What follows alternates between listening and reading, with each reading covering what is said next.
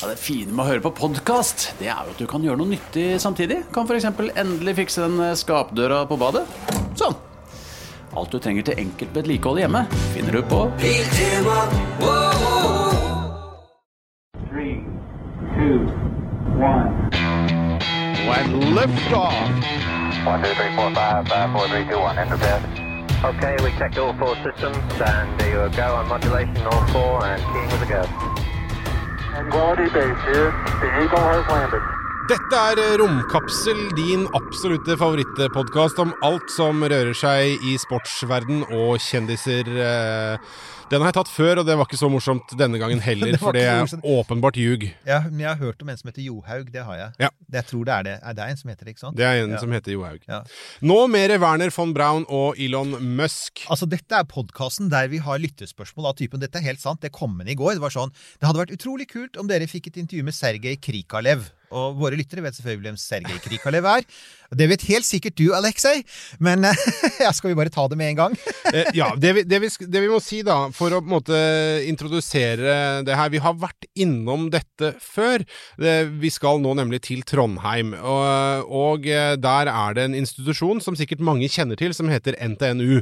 Eh, og for dem som da ikke er sånn umiddelbart nødvendigvis i utgangspunktet supergira på å sitte på 3000 millioner tonn med drivstoff og blir skutt opp i verdensrommet, som du nå har mulighet til, eh, hvis du søker, da. Eh, ESA søker etter astronauter, det har vi snakka om mange ganger før. Nå Nå skal vi begynner det å nærme seg Ja. søknadsfristen, by the way. Ja, det, det er helt riktig. 28. mai, er det? Ja. ja.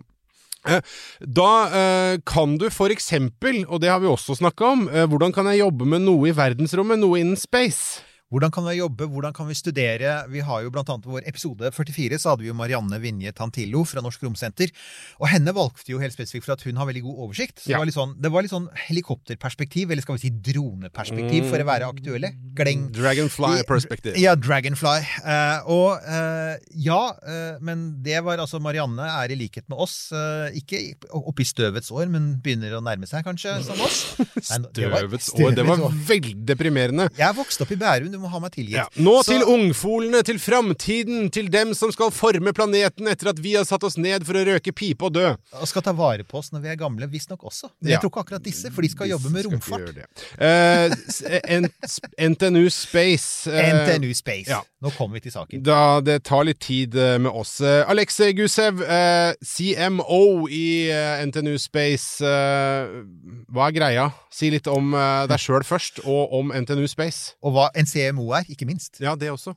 Ja, men Det kan vi sikkert få til. Eh, en liten sånn viktig ting å nevne her med en gang. Da, at eh, Vi har nemlig ov eh, gått over til et eh, annet navn, og det er Space NTNU. Nemlig pga.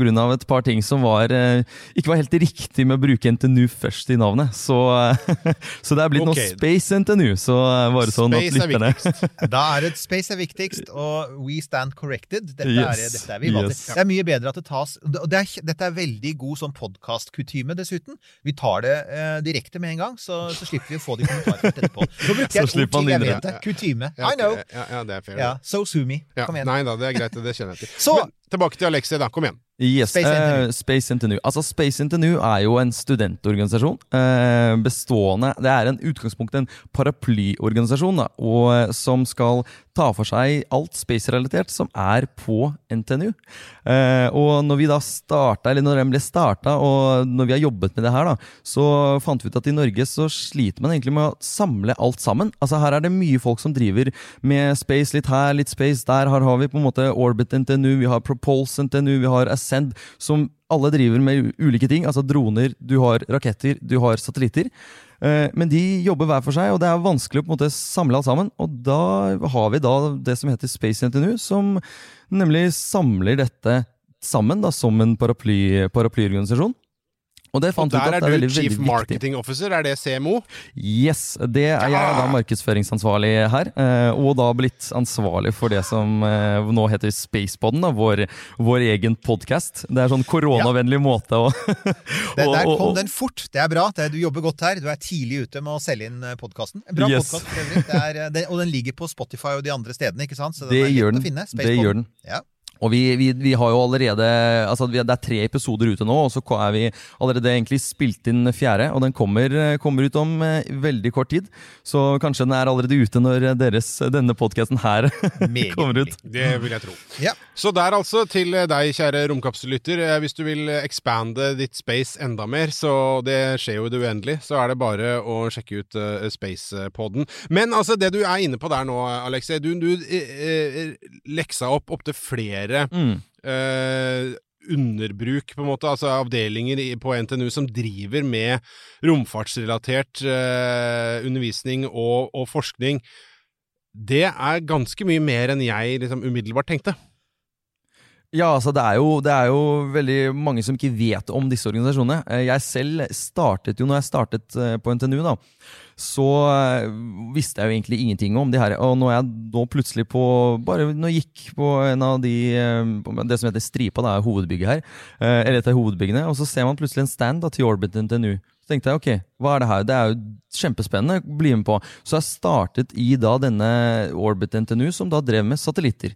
Og plutselig så tenkte jeg shit, her er det jo 60 studenter som jobber med å sende opp en satellitt i rommet. Altså Jeg har aldri hørt, bodde i Norge og aldri, aldri hørt om det her i, i, i all min tid.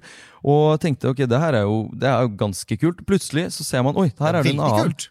som driver, med, som driver med raketter, og så er det en annen som driver med droner. Altså Det er jo såpass mye da eh, som da finnes, men som folk sliter med å på en måte få, få vite om. da og, og Det er nemlig det vi prøver å skape et miljø for. da Nemlig starter mer eller mindre på, for studen- på studentbasis, men eh, som podkasten vil jo dekke et større område. At flere, for eksempel, fra dere og folk som kanskje lytter, er interesserte og kan se at Norges studenter har faktisk muligheter til å gjøre veldig mye. Er, Og det, nemlig, og det er jo kjempeviktig. Altså, nå, nå må vi si en ting her. Vi har, gjort en litt, vi har glemt å si det. Men i dag så har vi noe så unikt som mer enn én gjest i studio. For vanlig, den vanlige modellen hos oss er jo faktisk at det er oss to, og så er det en gjest. ikke sant? Og så er det tre i Og så er det andre enden. tre, så skal vi nå faktisk rett og slett begynne å snakke med de to andre også. Jeg Så, syns så, så, altså, så kan vi komme tilbake til Alexei og sånn, så får vi denne her fine rundebordssamtale-feelingen, tenker jeg. Så det er altså da eh, den, num- nummer to her på lista vår, det er eh, Erlend Sandblåst. Er, Ja, det stemmer. Ja. Og du er da også hva, hva er din rolle i dette, for å si det sånn? Eh, min rolle Jeg startet jo i Space NTNU, eh, og jeg kom jo også fra Orbit NTNU og begynte i Space NTNU. Eh, og etter hvert så var jeg litt usikker hva min rolle skulle bli der, for vi startet opp var ganske få, egentlig. Eh, og da begynte annet jeg og Alexia å snakke om at eh, en podkast hadde vært veldig kult. da. Eh, og da endte jeg opp med å bli vert for podkasten. Eh, så det er jo det min rolle er nå, da. Så vi som er faste lyttere til og Spacepodden, vi kjenner deg. ja, du har hørt min stemme før, regner jeg med. Så det, handler jo om det er jo, det er jo så mange muligheter. da. Første var jo det at det var koronavennlig. Og, og så er det så fantastisk måte å formidle eh, alt som foregår. Eh, for det vi handler om, er mye om å eh, snakke om for Sånn som dere sa, og sånn som jeg følte det, var at det er så mye som foregår, og så lite som eh, vi vet om, på en måte. Eh, så til mer du greier, til mer finner du. Så det er jo liksom å, å finne ut alt som foregår både på NTNU, men også generelt i Norge, f.eks. hva som foregår på Andøya, finne ut hva som skjer, og formidle det ut til ikke bare til studenter, men også generelt til befolkningen. For det er jo veldig mange interessante ting som skjer, og som skjer i Norge, og som skjer av studenter. Så det er liksom sånn eh, wow! Slik som Alexis sa, eh, sett studenter og bygge en eh, Satellitt, eh, liksom. drone, bygge satellitter, det er jo helt Skal sjukt. komme tilbake til det, altså. Det er det. eh, eh, Og så led, ja, vi må ta leder for det hele, da. Eh, Ranveig eh, Fergestad, var det, det, jeg antar at det var relativt riktig eh, uttalt? Eh, Ja da, det stemmer. Ja, Men du, så jeg ja, hva, hva, hva, hva er du leder for? Altså, nå har jo Alexei sagt litt altså, denne, det, jeg, jeg blir litt sånn mindblown, for det er, jeg syns dette her er så fett at det er noen som faktisk eh, prøver å samle alt. For at det er så Og som, som eh, både, både eh, Erlend og Alexei har sagt, det er litt sånn derre flakkende. Eh, Det er litt her, litt der og litt overalt. Hva er det du er leder for, Ranveig? Ja, det stemmer. Så jeg er jo leder for Space NTNU, Det er jo da som sagt noe som skal styrke og samle hele rommiljøet på NTNU. Og Det er alt fra studentorganisasjonene til forskningsprosjektene til masteroppgaver, prosjektoppgaver, bacheloroppgaver. Rett og slett prøve å samle alt på ett sted og klare å gjøre at folk snakker med hverandre, og at man kan få samarbeidsmuligheter og få et tettere miljø. Eh, Jeg ble jo selv overrasket over at jeg tror jeg gikk i andre klasse før jeg fikk vite om at det var et ESA-kontrollsenter eh, i Trondheim. Eh, og ble så skuffet over at jeg ikke hadde hørt om dette før. Um, og tenkte at det her, her er det så mye kult som skjer, at nå må vi klare å samle dette bedre og skape et tettere miljø. Og, altså, og så var det en sånn liten fugl som pep meg i øret. Ok, det var en av dere. som som eh, tipset meg om at du, du jobber med master nå, gjør du ikke det? Det stemmer. Og du skal jobbe sammen med en, skal eh, jobbe med en som heter Kevin Ford, stemmer det også? Det stemmer også. Det er en av mine veiledere på Og dette er litt kult, for at Kevin Ford har vi fått en del tips om. Vi har bare liksom aldri fått eh, Vi har mye å gjøre, vi har ikke fått tid til å Eh, Kan ikke du bare forklare, hvem er, altså, hvem er Kevin Ford her? Altså, Kevin Ford er jo en tidligere amerikansk astronaut og kommandør av den internasjonale romstasjonen. Wow. Så han er jo da litt av en fyr. Eh, og i 2017 så var han faktisk ansatt som professor på NTNU. Eh, på Institutt for konstruksjonsteknikk. Og det er der jeg skriver min masteroppgave nå. Eh, så siden han fortsatt er tilknyttet NTNU i forskningsaktivitetene, så kan han da fortsatt være med å veilede masteroppgaver som er relevant for det han kan, da. Altså, jeg spør litt på vegne av en venn her, men er han fremdeles i Norge?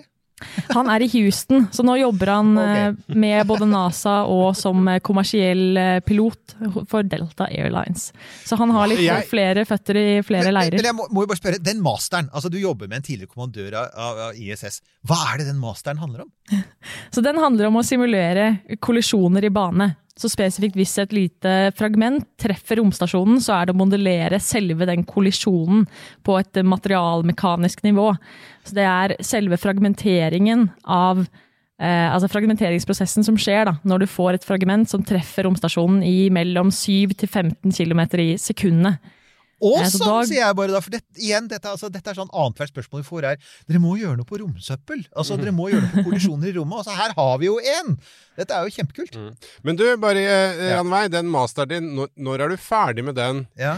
Du, den skal leveres om seks uker, så det er eh, hektisk eh, hos Da, meg nå. Sånn noterer vi sånn, er sånn gjest i studio men, her. men ja. eh, det er bare eh, Nå vet ikke jeg helt uh, hvor detaljene i det Det er en Skal du søke på den jobben eh, Jobben som nå lyses ut, eller hvordan er det? Nå mangler jeg jo dessverre de tre årene med arbeidserfaring som ja, det- kreves. da. det stemmer. Så det er et lite, liten strek i regningen for min del. Mm. Men ved neste opptak så skal du ikke se bort fra det. Ja, det er bra. Det er veldig godt å, å høre. Jeg, eh, jeg, lærer, jeg lærer, har allerede lært veldig mye nytt her i dag. Vi altså. har det, altså, og det dere har presentert her, er jo på en måte en, en buffé. Og buffeer, det liker jeg, som alle som kjenner meg, vet det. Og, og da, så Hvis vi skal ta noen av elementene, for at dere nevner dere kommer tilbake til, til tre elementer hele tiden her, som er, som, som er dukket opp her. Så vi kan se litt på det. Og det ene er, som du sier, altså uh, Orbit NTNU, ikke sant? Dette ble nevnt her. Og, og, og liksom, hva er det Altså, så har jeg selvfølgelig gjort research, med andre brukt Google.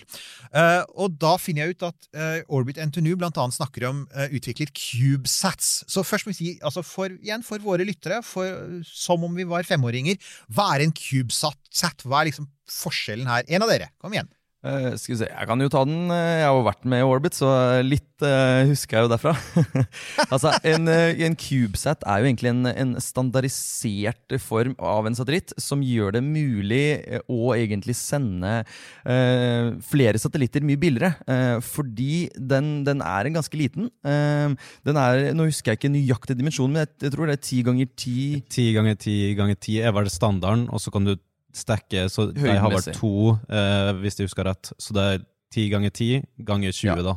Så det er som en ish-merk i kartong. Ja, litt større, på en måte. Og da, det, det som da er eh, plusset med det her, er at liksom, som sagt, eh, man kan sende veldig mange av dem eh, ut i ulike baner, eh, samtidig med samme rakett. Istedenfor å gjøre f.eks. det man har gjort eh, veldig lenge nå. eh, med å, Skal man ha en stor satellitt, så skreddersyr man jo hele på en måte, Ikke raketten, men du skreddersyr alt inni den for at den, den ene spesifikke satellitten skal skytes opp. Det Orbit har, da, for eksempel, er at de har da brukt denne standarde måten å gjøre det på, og satellitten deres vil få plass på det som er, heter Vigoride på, s- eh, SpaceX sin Falcon 9.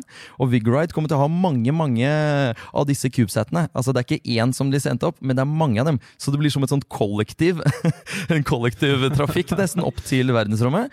Med da den, disse CubeSatene, og det gjør det mye mer rimelig for hvem som helst å faktisk sende opp. Eh, dermed så har liksom Orbit NTNU, som da ikke har milliarder eh, av penger, eh, mulighet til å faktisk sende dette opp. da.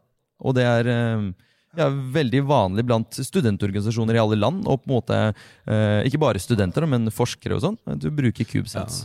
Jeg liker, jeg liker at du bruker ordet 'veldig vanlig'. Veldig vanlig. Ja, ja da, det, det, det er Men- mye mer vanlig enn da de svære, da. Men, eh, men det blir jo det i stedet for det klassiske som er gigantisk i både størrelse Ja. og, og masse, eh, som koster millionervis, om ikke milliardervis, av eh, kroner og dollar.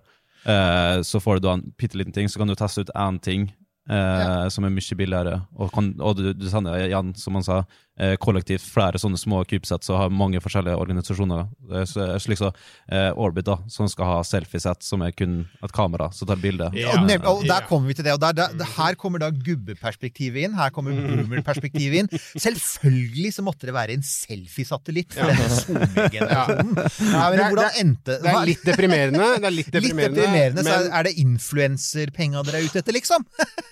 Ja, det er, det er, jo- hva det var er tanken, hva hva er tanken bak selfiesat?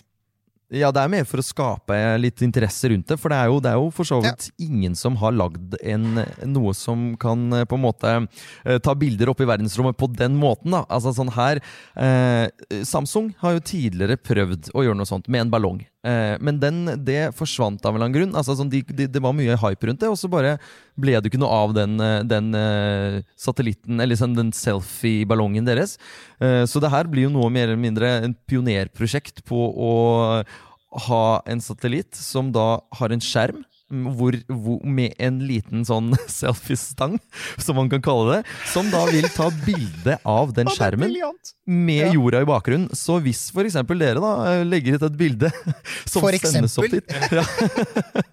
Sender ut et bilde, da, så vil den eh, fra serveren til Orbit eh, komme opp dit, og så vil man da denne armen kjøres ut, og den vil på en måte ta bilde av bildet deres med jorda i bakgrunnen. Så har man på en måte Det er helt nydelig.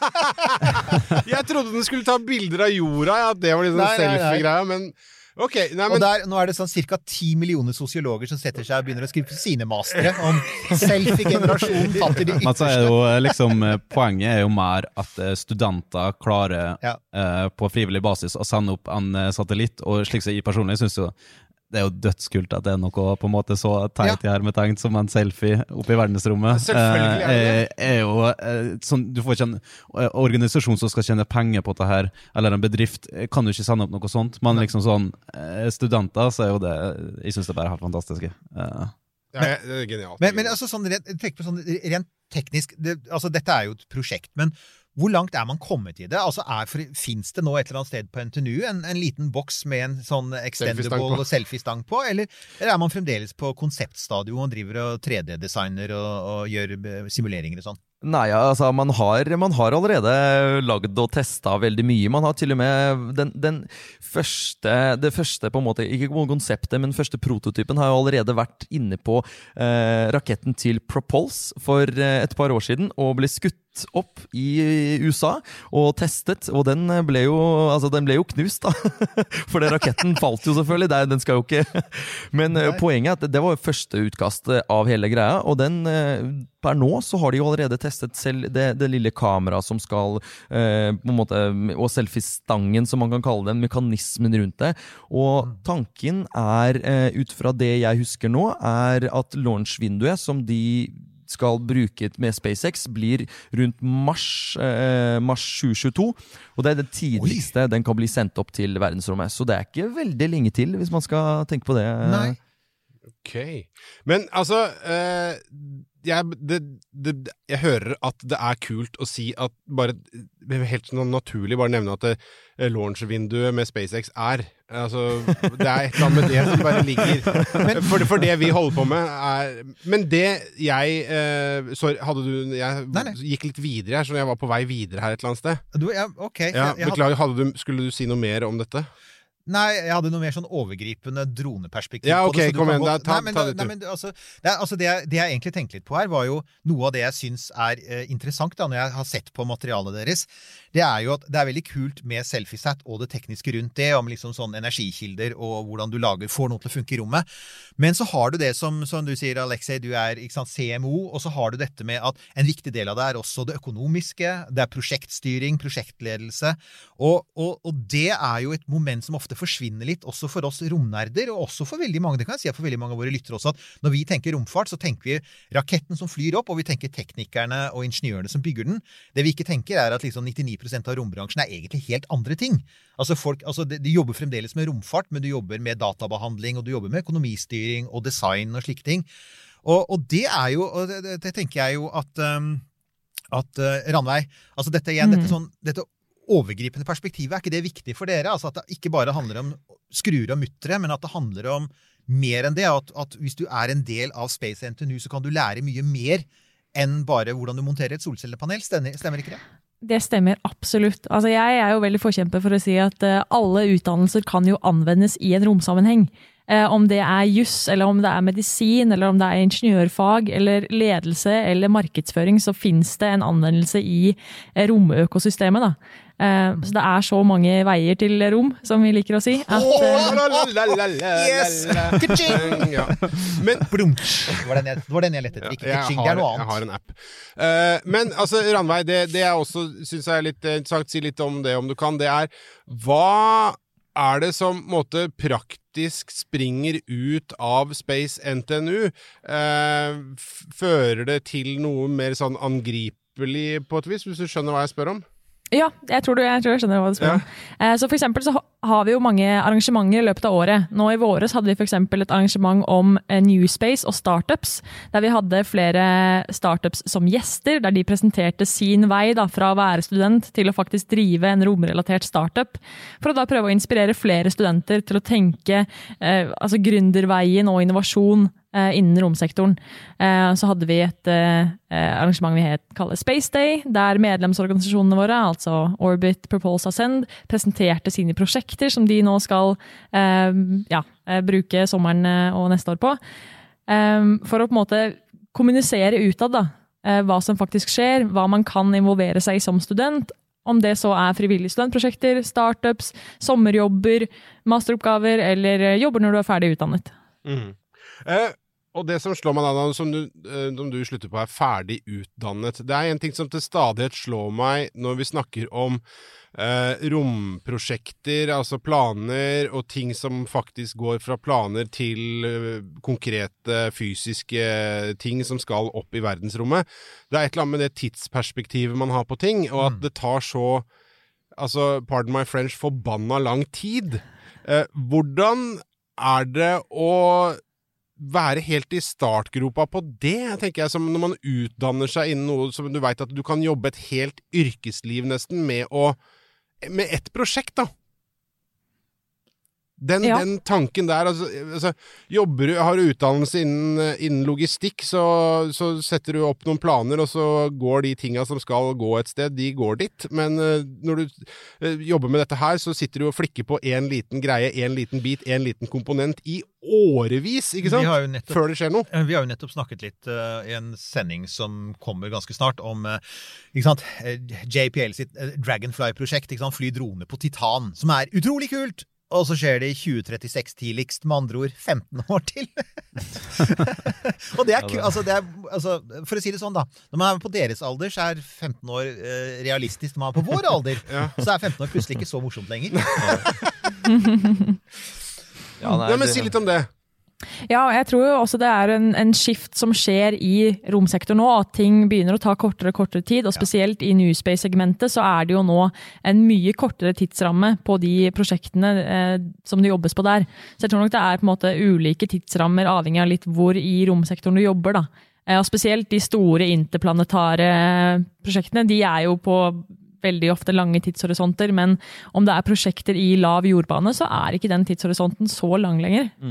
Ja, for det, det, Det- også, og så, tenker jeg liksom sånn, det, det er jo en ting, men jeg tenker det med sånn romkappløpet tidligere, og, og det kan hende at det faktisk starter et litt sånn privat romkappløp eh, nå, sakte, men sikkert. For det virker jo som at eh, altså, New Space blir mer og mer og mer hype, hvis man skal bruke det ordet.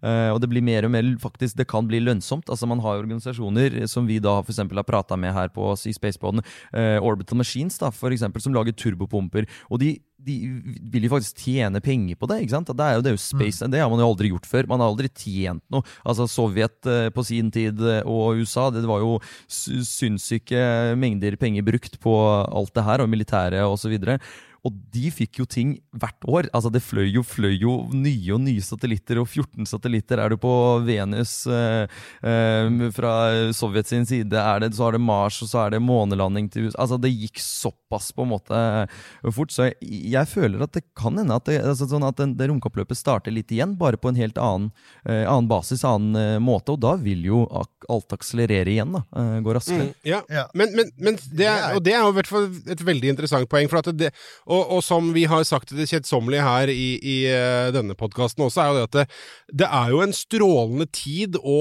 måtte være interessert i romfart og følge alt som skjer, fordi det skjer så vanvittig mye. Ja. Og det har skjedd vanvittig mye de siste åra. Det, det kommer til å skje, og det akselererer bare.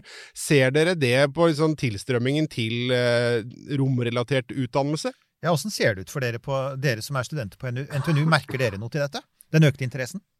Ja, absolutt. Jeg tror det er flere og flere studenter som får øynene opp for hvor mye man faktisk eh, kan jobbe med, da, med en romfaglig bakgrunn. Eh, så det, det er også litt av vår jobb da, å sørge for at flere får øynene opp for det, og det at eh, man klarer å rekruttere nye studenter til NTNU, at man klarer å bygge det miljøet enda større og sterkere. Så det er jo en veldig sånn selvfremkallende effekt, at jo, flere, jo mer engasjement du får, jo flere tiltrekker du deg også. Så det vil på en måte bare vokse og vokse, da. Og jeg tror nok også, når jeg begynte på NTNU, eh, så var jo Ina bobla der at eh, sånn ESA og NASA og det og de store gutta, og det er så langt unna at det er ikke noe du tenker på engang. Eh, men med en gang jeg kom hit, så fant jeg ut hvor nærme det var. Og sånn som vi snakka om eh, New Space, da, for å forklare det, så var jo eh, Allspace er jo på en måte Det var når eh, det var NASA og eh, Mm. Roskosmos. eh, eh, russiske tidligere. ja, russiske, liksom. Det var eh, de, det var de store, store store gutta eh, som fikk lov til å spille det spillet her, eh, mens nå er det eh, private markedet, det er eh, CubeSat, sånn at det er mer tilgjengelig. Du, du kan ha mindre på bok, og du kan finansiere det på helt andre måter. og Du kan få det til så mye lettere, og som vi også snakker om at det er, det er så mange utdanninger du kan ta og likevel komme deg inn i romsegmentet. Eh, så, så lenge du får vite om det, og eh, sånn som vi gjør da, og formidler om hva som foregår, så får du liksom Oi, shit, det jeg holder på med, det kan jeg jo drive på med innenfor romsegmentet. Mm. og da får du liksom her eh, skapt opp det eh, miljøet da, og blussa opp. For å Eh, liksom bare svare på det spørsmålet du sa om vi ser, hvordan vi ser det. Vi kan si at startups, det er en måte vi faktisk kan se at det blir flere og flere på. Altså det, det kommer flere nye startups innenfor romteknologi, og det tror jeg ikke har vært en greie i det hele tatt på NTNU tidligere. Det har liksom ikke vært noe som Det har ikke vært mulig. Mens nå, for eksempel den, den nye episoden som kommer med, med Spaceboden, da, der det en Enernight, som da er en helt nyoppstarta, et selskap, eh, eller en startup, da, som da er romrelatert og lagd av hovedsakelig studenter, da, eh, som skal bruke datasyn til å finne ut hvor det er eh, mulig å sette solceller og sånn på, på jorda. da. Og det er ganske kult, og det man Det er, ser det er veldig kult. Og, altså, vi har jo en sånn uh, Vi har nevnt dette i en tidligere sending, men det fins jo en sånn statistikk der ute som sier akkurat det. er sånn man pleier ofte å anslå at liksom den, samlede rom, den samlede omsetningen i rombusinessen globalt er på rundt 350-400 milliarder dollar i året, og tre firedeler av det er privat. Og det er lett å glemme. ikke sant? Det er satellittjenester, det er upstream og downstream, som man så gjerne sier i denne bransjen. Og selve rakettene er en bitte liten del av det. Det å selge raketter, det er faktisk det er bare en liten, liten del av kaka. Og veldig mye er, som du sier, ikke sant. Dataobservasjon, analyse og bruk av de dataene, salg av dem, kommunikasjon, alle disse tingene. Og det er jo det vi også ser her med og vi måtte, Som du nevner, SpaceX, som jo har vært en pådriver i New Space, ingen tvil. Akkurat nå så er liksom de selve flaggskipet. Og jeg, og jeg syns det er viktig, altså det er så innmari fint å høre dere si akkurat det, for det har jo vært sagt der ute en stund nå. For å ha et sånn historisk blikk på det, da. Jeg husker at for 20 år siden så begynte folk å si Vent litt, hva er det Altså, vi begynner å se IT-folk, Paul Allen fra Microsoft for eksempel, eh, og, og Jeff Bezos fra Amazon, ikke sant? Og så var det en veldig ung fyr fra, ikke sant? fra PayPal som het Elon Musk. Mm. IT-folk interesserer seg for romfart. Hva er det? Kan det bli til noe? Det var for 20 år siden.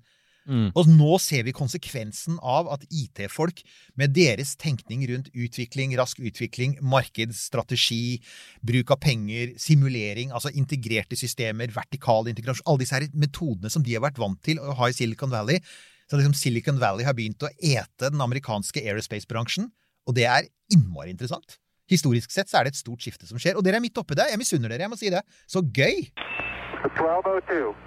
Det er utrolig kult. Og det, det, det du nevner, er faktisk ganske, ganske interessant. For jeg går jo, altså det jeg studerer på NTNU, er jo datateknologi. Så jeg er jo nå sitt, snart siste året på, uh, på datateknologi. Og jeg skal jo faktisk sannsynligvis skrive master om autonome, autonome kjøretøy, autonome biler og den den type. Ja, og det er nice. som ikke sant? Og det er jo akkurat det du sier, da. At IT-sektoren begynner, begynner å komme mer. Og det, jeg syns det er utrolig spennende med space. Og det er liksom alt fra ja, autonome ting kan man, trenger man jo ikke bare bruke på jorda. Altså Det kan man jo fint selvfølgelig Og det er veldig viktig faktisk bruke det mer og mer i, i verdensrommet. Så det er, eh, er veldig sant. Ingenuity, senest uh, veldig godt eksempel på akkurat det. Det er jo Mm.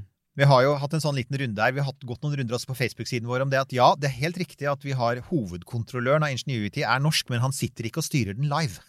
Nei. Det kan du ikke på Mars. Det, det, det gjør ikke jobben noe mindre, men det betyr bare at autonome systemer er helt eh, avgjørende i rommet. Absolutt. Ikke minst så er han sjefspiloten eh, doktorgrads eh, eh, Altså tidligere doktorgrad fra NTNU innen kybernetikk. Så han er jo en NTNU-student i hjertet. Altså, Så det er jo stedet å være. Hvis du har lyst til å ende opp på Mars, så er det NTNU du må studere på. Altså. Sånn, eh, sånn er det. Jo, Altså, Men- som, som gammel UiO-mann så kjenner jeg at bussen reiser seg her, men vet du, jeg tror du har rett.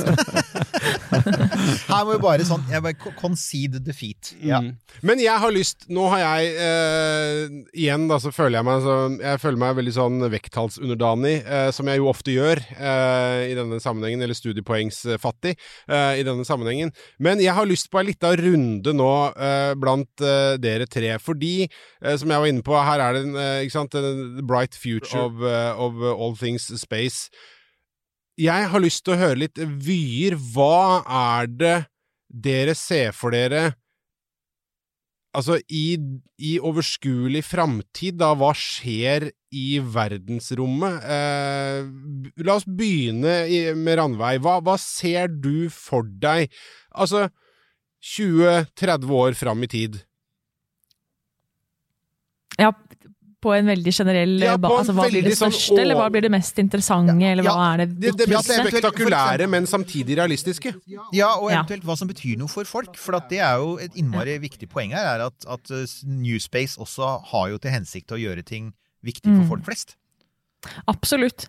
Eh, Jeg tror nok det som vil være mest spektakulært, og kanskje få mest oppmerksomhet, vil nok være neste menneske på månen. Mm. For det er så mange eh, som ikke har opplevd det selv. Altså Alle som er født etter 1972 har jo ikke opplevd at det har vært folk på månen. Og det er jo nå ganske mange folk som ikke har faktisk sett, sett det live og visst at nå er det folk på månen. Så jeg tror det, og når man kan nå ikke minst dra dit nå med mye bedre kameraer enn vi hadde sist. Du kan gjøre en helt annen jobb markedsføringsmessig, markedsføringsmessig for å få dette ut til folket. Så det å, å se hvor mye engasjement man kan skape rundt neste månelanding, tror jeg vil være det måte, mannen i gata kommer til å få med seg. da. Og det du sier der er så utrolig kult, for at uh, jeg tenker jo på te, Se hvor utrolig mye NASA har klart å gjøre ut av disse tingene som skjer på Mars nå.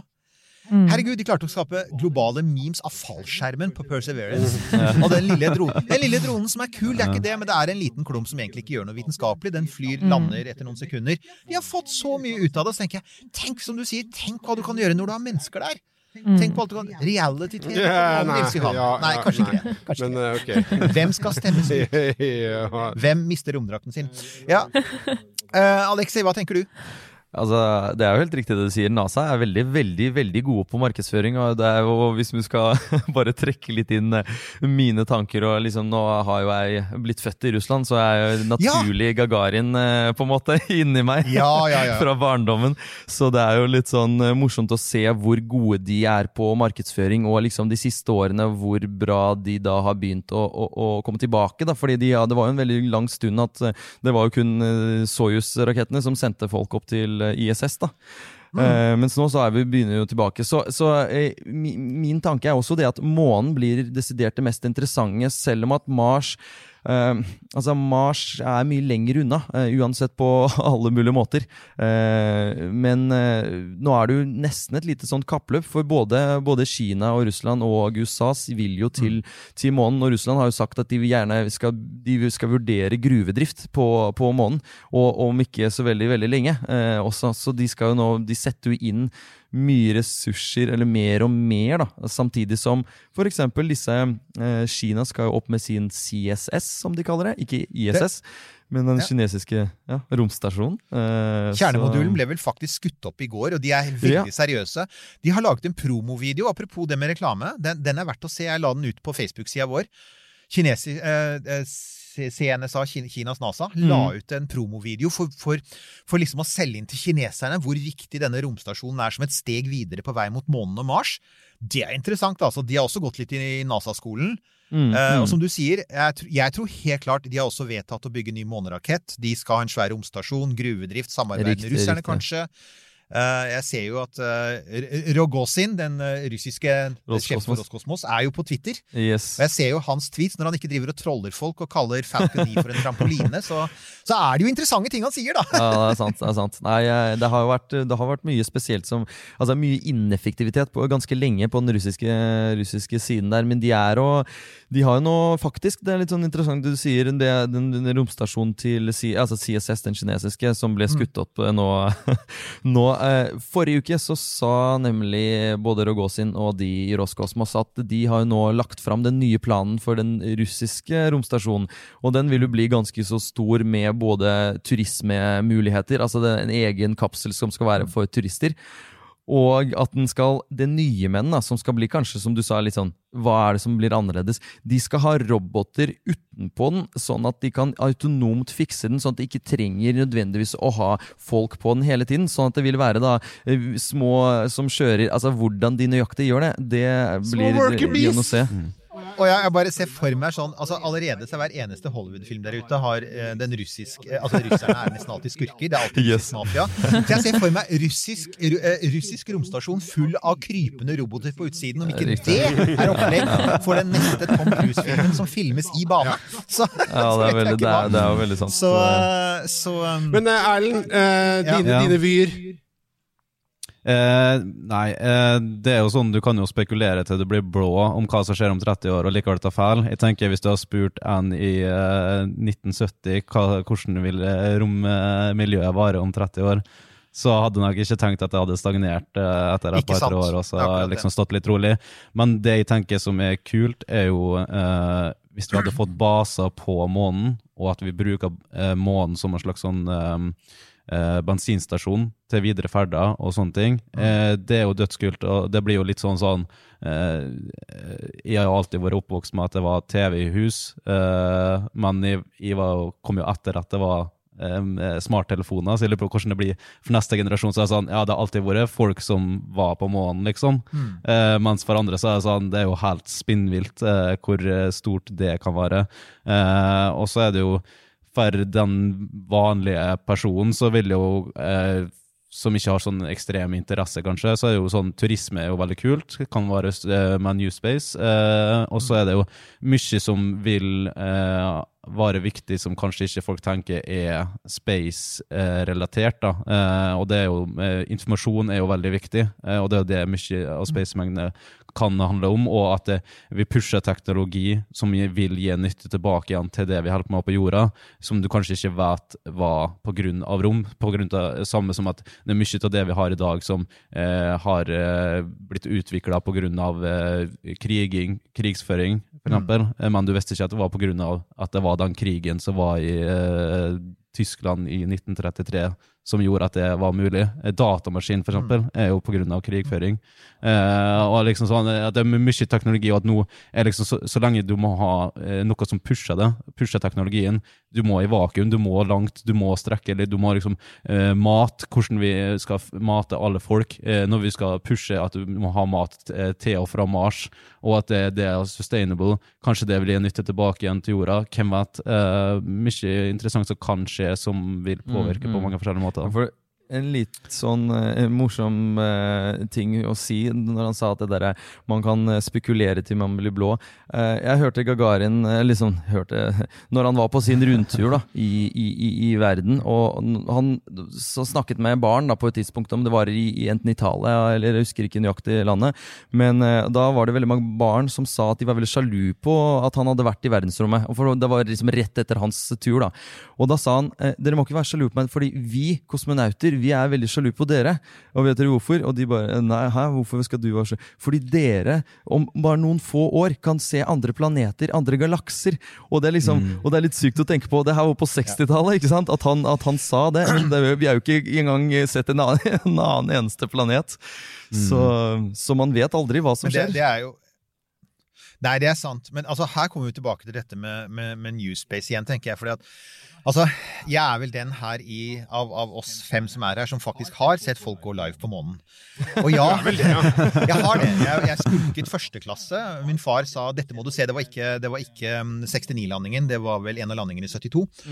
Eh, og, og jeg husker at den gangen, som du sier, alle var veldig sikre på at fra nå av var Mars det neste, og det fantes jo helt konkrete planer om å være på Mars i 1980. Og det hadde jo ikke bare eh, amerikanerne, også sovjeterne hadde det hvis de hadde fått til N1-raketten sin. Men saken er jo at det på en måte aldri var bærekraftig, som, som enkelte historikere har påpekt. Altså, USA ville vise kapitalismens triumf over kommunismen på 60-tallet ved å lage det, det største statsstyrte systemet noensinne. Altså, Den amerikanske stat var jo i praksis eh, sånn statssosialisme, med at liksom, den amerikanske skattebetaler dumpet 150 milliarder dollar inn i et svært prosjekt for å vise at kapitalismen var best. Og det var jo ikke bærekraftig, var poenget. Det var jo ikke det. Du kunne ikke fortsette som du drev Apollo. altså og, og det jeg tenker nå, da, og jeg vet ikke hvordan dere tenker rundt det, men det at vi nå ikke bare altså Nå har vi mange flere bein å stå på. En ting er at liksom Kina er tilbake i gamet, Russland er det fremdeles, USA er sterke igjen. De var svake veldig lenge på bemannet etter takket være romferja. Nå er de tilbake igjen. Men i tillegg så har du denne gigantiske, veldig raskt voksende private sektoren. Og ok, så har Elon Musk har gått foran, men Peter Beck i, i Rocket Labs er ikke langt etter. Og du har startup, som du sier, hos dere, og når som helst så kan det jo komme en ny også norsk startup som ikke nøyer seg med å si sånn ja, vi skal lage en liten komponent eller en del av en satellitt, men vi vil faktisk ta det lengre. Vi vil gå all in, ikke sant?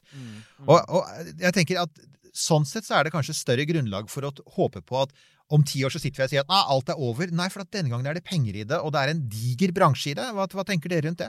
Ranveig? Jeg tenker Med en gang du får på en måte konkurranseaspektet, så vil det jo pushe veldig. Eh, det så Ja. vi jo ikke sant, med månelandinga. Altså med en gang eh, konkurransen dabba, så ble det ikke like interessant lenger. Eh, og nå ser vi jo at det begynner liksom å starte med det private markedet, og da vil jo alle være eh, først eller best, og, og da tror jeg nok at det vil skje mye der. Ja, for det, det er ikke Eh, bare konkurranse, det er bare det at du, du har faktisk mulighet til å tjene penger på konkurransen. Ja, for det, er jo eh, en av grunnene til at man ja, som sagt skipper, eh, slutta det der altså Med en gang man landa på månen, så ville jo ikke lenger en, en eh, L3-raketten bli laget i Sovjet. For eksempel sånn som du sa, den ble aldri Selv om at de hadde en ny, lagd, ferdiglagd siste versjon, som da skulle Den kunne ha flydd, eh, fløyet faktisk til, til månen, men de gjorde det ikke. For de tenkte ok, men da har vi har tapt på en måte det der, og da har de ikke Ikke nytt å bruke de pengene. Bare, og den ble bare satt og demontert.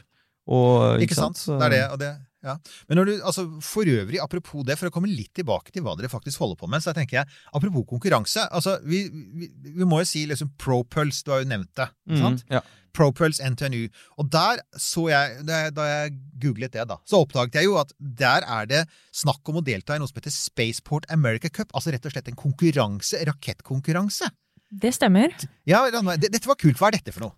Ja, så grunnen til at man vil delta i en rakettkonkurranse, da, er at da har du et rammeverk rundt. Da står du ikke alene på en, en, en tom eh, platå med alt ansvaret selv for sikkerhet og hele gjennomføringen, men du har da et helt nettverk av eksperter, av folk som har jobbet med eh, altså små rakettoppskytninger i 40-50 år, som kan sørge for at vi som er nybegynnere på NTNU, eh, gjør dette på en trygg og sikker måte.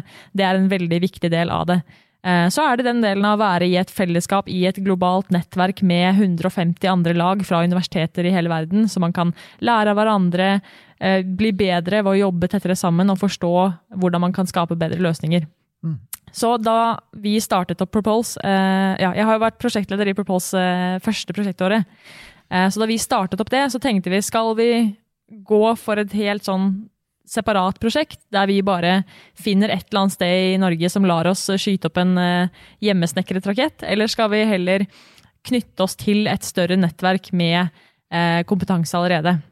Og da måtte vi ut av Europa. Det fantes ikke noe sted i Europa, ingen europeisk konkurranse vi kunne være med i. Det nærmeste vi fant, var New Mexico og USA, og det er jo et godt stykke unna Norge. Ehm, så bare logistikken og kostnaden av å få importert en studentutviklet rakett inn i USA og få den skippet dit, eh, reisekostnader Det er jo en enorm kostnad bare å reise helt dit for å få skutt opp en rakett.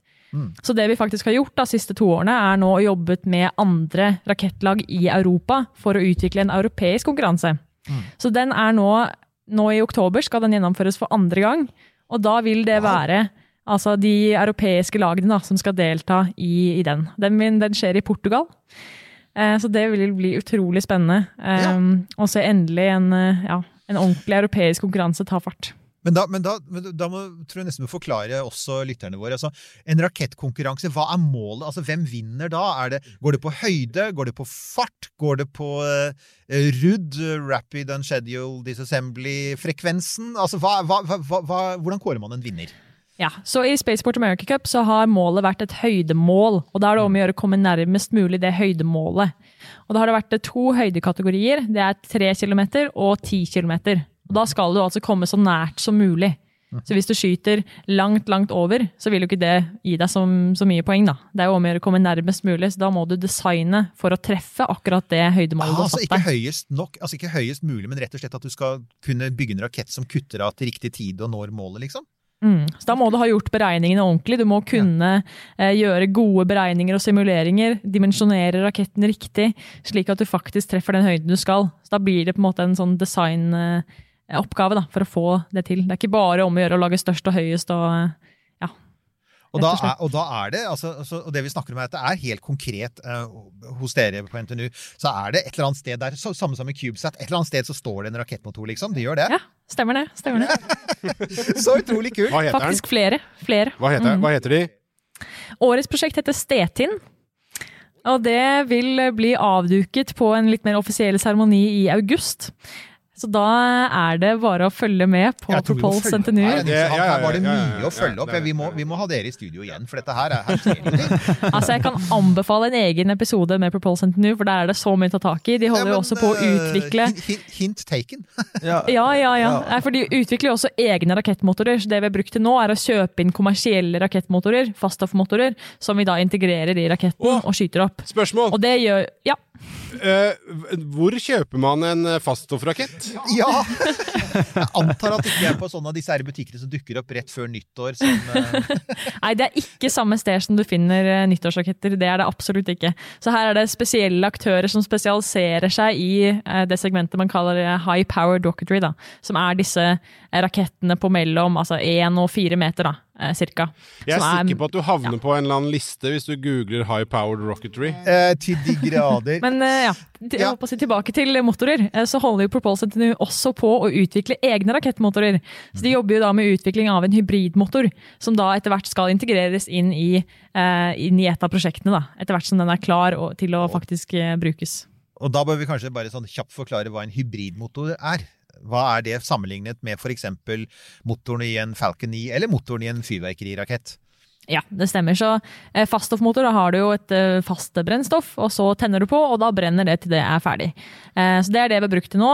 En eh, altså liquid, altså flytende motor, da har du to flytende elementer som da settes sammen igjen på en kontrollert måte, og deretter eh, forbrenner og eh, i kraft på den måten. Så hybridmotor er på en måte mellomtingen mellom de to. da, At du har et fast eh, brennstoff og da en flytende oxidizer som da føres inn gjennom eh, en dyse og inn eh, i brennkammeret. Er- Stemmer det at eh, Nammo eh, i Norge er, har jobbet mye med hybridmotorer, mener jeg husker? Det stemmer. det stemmer. Så de er er jo en av er samarbeidspartnerne til uh, Propulse NTNU, da, og Så kan bidra med litt gode på, gode rett og tips og triks. Eh, For, for Så de veldig prøvde, kult. De Eh, Og så vet jeg, uh, men det vet jeg i hvert fall, Alexei, at du var også veldig opptatt av at vi skulle si litt grann om Ascend NTNU. Ja, altså det er jo ja, det, det var det at det det er veldig, For oss så er det veldig viktig å på en måte stå på vegne av alle våre tre medlemsorganisasjoner. eh, ganske likt, da. Eh, så um, Ascend NTNU er jo Altså, de driver med droner. Og i utgangspunktet så føler man jo ok, eh, hva har egentlig droner med på en måte space å gjøre direkte? Men nå er den lagt død. Nå veit vi at droner det, er kule. Det får vi, I som rommet. et, ja, det får vi som et spørsmål ofte. Men eh, Ja. mer og mer så ser vi jo at droner eh, blir viktigere. Er viktigere eh, for eh, space-relaterte ting. Da. For eksempel, da, sånn som du nevnte Ingenuity. Den, eh, det er jo en liten drone, for å si det mildt. Det er akkurat det det faktisk er. Eh, og som blir da nå blir testet. Og den fungerte jo sånn som den mer eller mindre skulle. Eh, og dermed så er droner noe som skal selvfølgelig Det, det, det er på vei inn, og det tror jeg er der for å bli eh, innenfor space-segmentet. Så Ascend har jo mye Har vært mye på konkurranser som, eh, der de kommer veldig godt uh, innenfor topp ti eh, hver gang. Eh, og de driver og lager ulike typer droner, og den nye eh, dronen de nettopp eh, eh, hadde avduking på vår Space, eh, space Day som vi, som vi satte opp. Eh, dronen som heter Nostromo, eh, er jo en kjempesvær drone. De har aldri lagd en så stor drone før. Eh, og det er liksom Det er kjempemye entusiasme der rundt hvordan AI og rundt hvordan man skal styre det. Altså Det er veldig veldig mye som skjer, da. Så det er en eh, ypperlig organisasjon. Ja. Altså, jeg, jeg husker jo det. Det har jo alltid vært sånn, uh, i hvert fall så lenge tilbake jeg, jeg kan huske, at folk ofte har sagt det. Og det er jo ganske lenge. Det er faktisk Ja. ganske lenge. Ja. Det er det. Altså, Institutional memory er det Ja. som sitter her, sånn helt konkret foran denne mikrofonen. Uh, og, og det har jo vært at altså, en av grunn, Det er mange grunner til å søke på NTNU, men en av dem er faktisk studentmiljøet. Og det tror jeg vi egentlig har fått et veldig godt inntrykk av her. At det, er et, altså at det er et veldig godt studentmiljø, men at, også at det er et veldig rikt studentmiljø. Altså, det er veldig mange måter å få dekket sine interesser på akkurat på, på det stedet. Dermed er det ikke sagt at ikke du kan studere, for bare foregripe det, da. Eh, og hvis det er et kult romstudium eh, et annet sted i Norge, så, så ta for guds skyld kontakt med oss, så skal vi gjerne snakke med dere også. Men det er ikke til å komme forbi at hver gang man sier space og studier og, og teknologiutvikling i Norge, så popper NTNU veldig ofte opp. Det er bare, det er bare sånn det er. Definitivt. Uh, og det var en liten ting for å ta helt på slutt her, tenker jeg. Uh, og det var, for å komme tilbake til noe, noe Det var vel eh, Det har vel alle vært inne på. Dette at det handler altså om Dere tenker bredt. Dere tenker ikke bare teknologi. Og dere tenker ikke bare universitet, men dere tenker, tenker også næringsliv. Det er dette med startuper, ikke sant? Og da tenker jeg, hvordan, hvordan fungerer det helt konkret? Du, du, nevnte, du har nevnt, nevnt noen navn her, altså Orbital Machines. Eh, og, eh, og dette Ja. eh, Dere kan sikkert nevne et par andre navn, men poenget her, det er liksom kanskje mer interessant for lytterne våre, er hvordan fungerer dette rent konkret? Er det sånn at Altså at bedrifter tar kontakt med dere, eller er det sånn at studenter går ut og ganske raskt starter sine egne ting? Åssen er, det- hvordan er dette samarbeidet? Det er jo veldig forskjellig for så vidt. da. Eh, Mm. Alle har eh, altså For eksempel Orbital Machines. da. De er ikke lenger direkte studenter, men de har vært studenter eh, her på NTNU. Og eh, han, han, eh, han ene som heter Ola, han er jo i utgangspunktet økonomi, økonomistudent og hadde ikke, hadde ikke noe innenfor, direkte innenfor space, men han hadde veldig mye interesse for å starte noe. Og så møtte han da, eh, hvis jeg husker riktig, Eivind, som da hadde mye, eh, mye det, det teknologiske, og de sammen da gikk inn for å på en måte eh, starte noe, noe innenfor space technology. Og når de da så turbopumper, elektriske turbopumper, det er noe som på en måte ikke det er markedet for det er ikke mettet, for å si det sånn. Eh, Og dermed så var det en måte å gjøre det på, og de tok kontakt da med, med organisasjonen som heter Sub, Copenhagen Suborbitals, som driver med å lage skal man si det, det er en organisasjon som får eh, Som, crowd, som er crowdfunda eh, 100 og sende, skal sende dansker opp i verdensrommet. Og de lager da dette disse Og Ubåt-Madsen kommer opp i hodet her med en gang. Det er litt Ja, altså, jeg tenkte, Mm. Skal vi nå snakke om eh, den store ubåtformede elefanten i rommet, eller skal vi ikke? Men ja, nei, så, det er men et så det du- eksempel, det, så det er et eksempel da, på hvordan, Ja. hvordan de startet. Men, men jeg tenker jo at det, Eller Ja, nei, Det er jo også veldig mange av disse eh, kommersielle ideene som bryter ut av masteroppgaver også. Så det er jo mange måter du kan på en måte trigge en god idé på. da, og Det er jo ofte gjennom at du bruker et helt semester på en idé. Et er f.eks. Vake, som da bruker satellittdata til å detektere skip på, rundt på havene, og deretter kan f.eks. oppdage ulovlig fiske eller oljesøl, og se da hvem er det som prøver å lure seg unna de eh, kontrollsystemene som fins. Og Det var jo da en masteroppgave, som deretter at de fant ut i samtale med Norsk Romsenter at her er det faktisk eh, et marked, og her er det faktisk en, en kommersiell mulighet. Um, men litt av det vi eh, jobber med, da, er jo å få folk til å skjønne at ok, jeg kan faktisk gå den veien. Jeg kan velge å ta en masteroppgave som har noe med rom å gjøre. Jeg kan engasjere meg i en startup. At de ikke må vente til femte klasse for, for at de skal skjønne det, men at den ideen kan de få i første klasse. Og deretter ta strategiske valg underveis i studiet for å ende opp eh, ja, rett og slett eh, Vi snakker jo mye mye bedre rustet. om det i våre I Spaceboden, da, er jo hvordan de individuelle, altså Orbital Machines og, og Undernight og Intention, eh, er jo hvordan de møttes, hvordan de starta opp. Eh, var det teknologien som interesserte det, eller var det rommet? Eh, var det eh, idé Liksom, hva, hva var prosessen, og hva var liksom problemer? Og jeg tenker jo at eh, som vi nevnte tidligere òg, er at du kan ha mye interessant teknologi som kan fungere både på jorda og ute i verdensrommet. Eh, Så du kan dra vanen om at du er interessert i en teknologi, eller at du har interesse innenfor rommet, og så ser du hva er det slags marked vi har her som vi kan mette. da. Eh, Så eh, intention har, jo det at du skal styre på intensjon, altså intention, og at du ikke skal bruke direkte eksempel fjernkontroll. De driver og styrer en hanske som kan styre en drone i et av prosjektene deres. Eh, og det er jo sånn som vi ser droner på Mars nå som eh, kan styres eksempel der, da. Eh, og da var i kontakt med NASA blant annet eh, for å eh, teste ut det prosjektet der. Men det, det har jo også andre prosjekter som at du kan styre musikk med å bare styre med en hanske, eksempel, og andre ting. Så du har jo mange Jeg tenker det er en sånn kombinasjon av eh, engasjerte personer, interessant eh, teknologi eller eh, noe sånt, og så eh, har du da dra det inn mot romfart, da.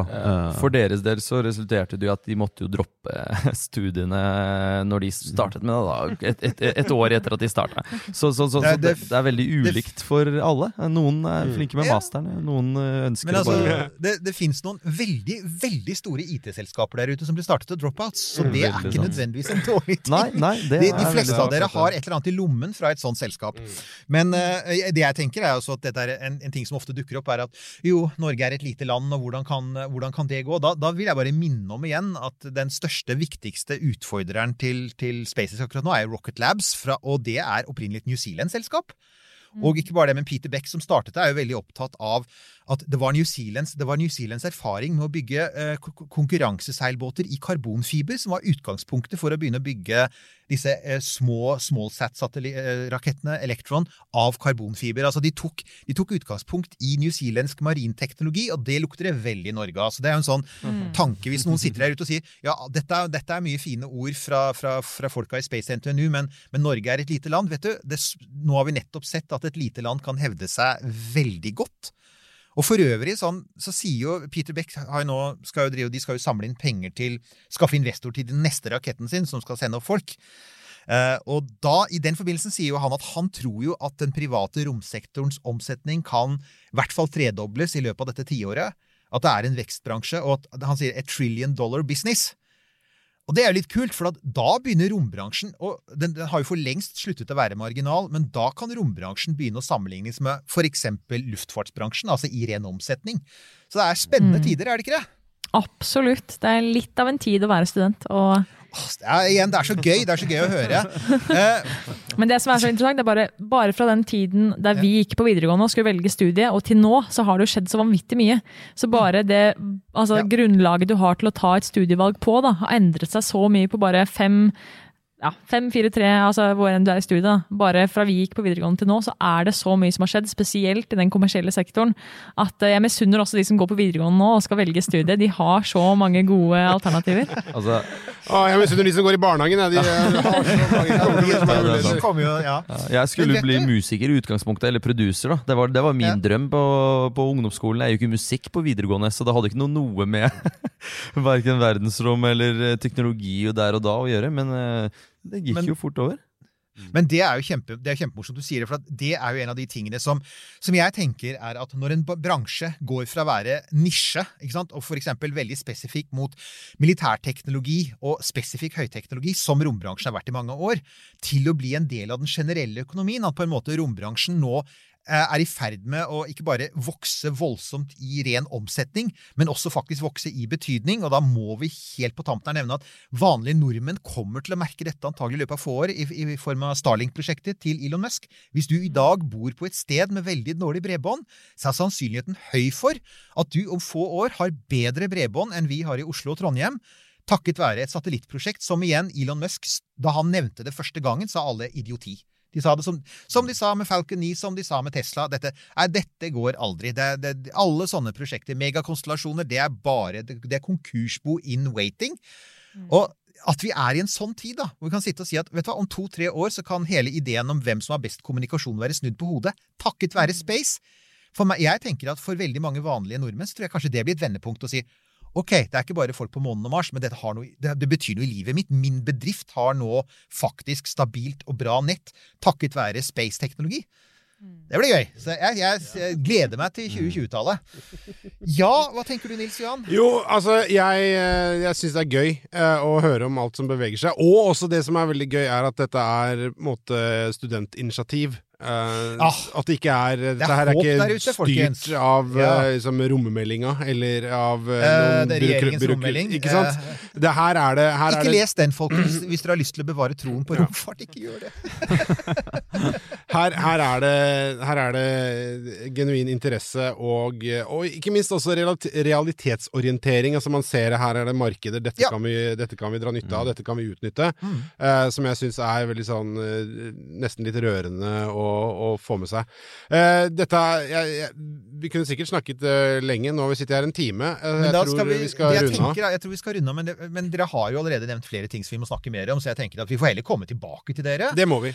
Eh, Så i mellomtiden så kan dere, burde dere helt klart stikke innom, sti- stikke innom Rompodden eh, og høre på den. Og Spacepodden, mener du? Spacepodden, Space- sorry! Rompodden er vår vi kaller, vi kaller, Det er vårt interne arbeidstittel. Det er jo Rompodden. Uh, Det er det. Spacepodden Ja, ja, snakker vi om Space, her. Spacepodden er dette. Det er space. Hallo. Dette er romkapsel. Det er litt forvirring på hvem du hører på her nå, men Ja, ja, dette er men altså det er- det har- romkapsel. det har- vi har snakket lenge nå, så jeg begynner Ja. å bli forvirret. Jeg er gammel, vet du. Ja, det er det så, er. og, så, eh, og, og da er det meget mulig at vi kommer tilbake til én eller flere av dere, for dere har jo utrolig spennende ting på gang. Blant annet altså rakettkonkurranse i Var det i oktober?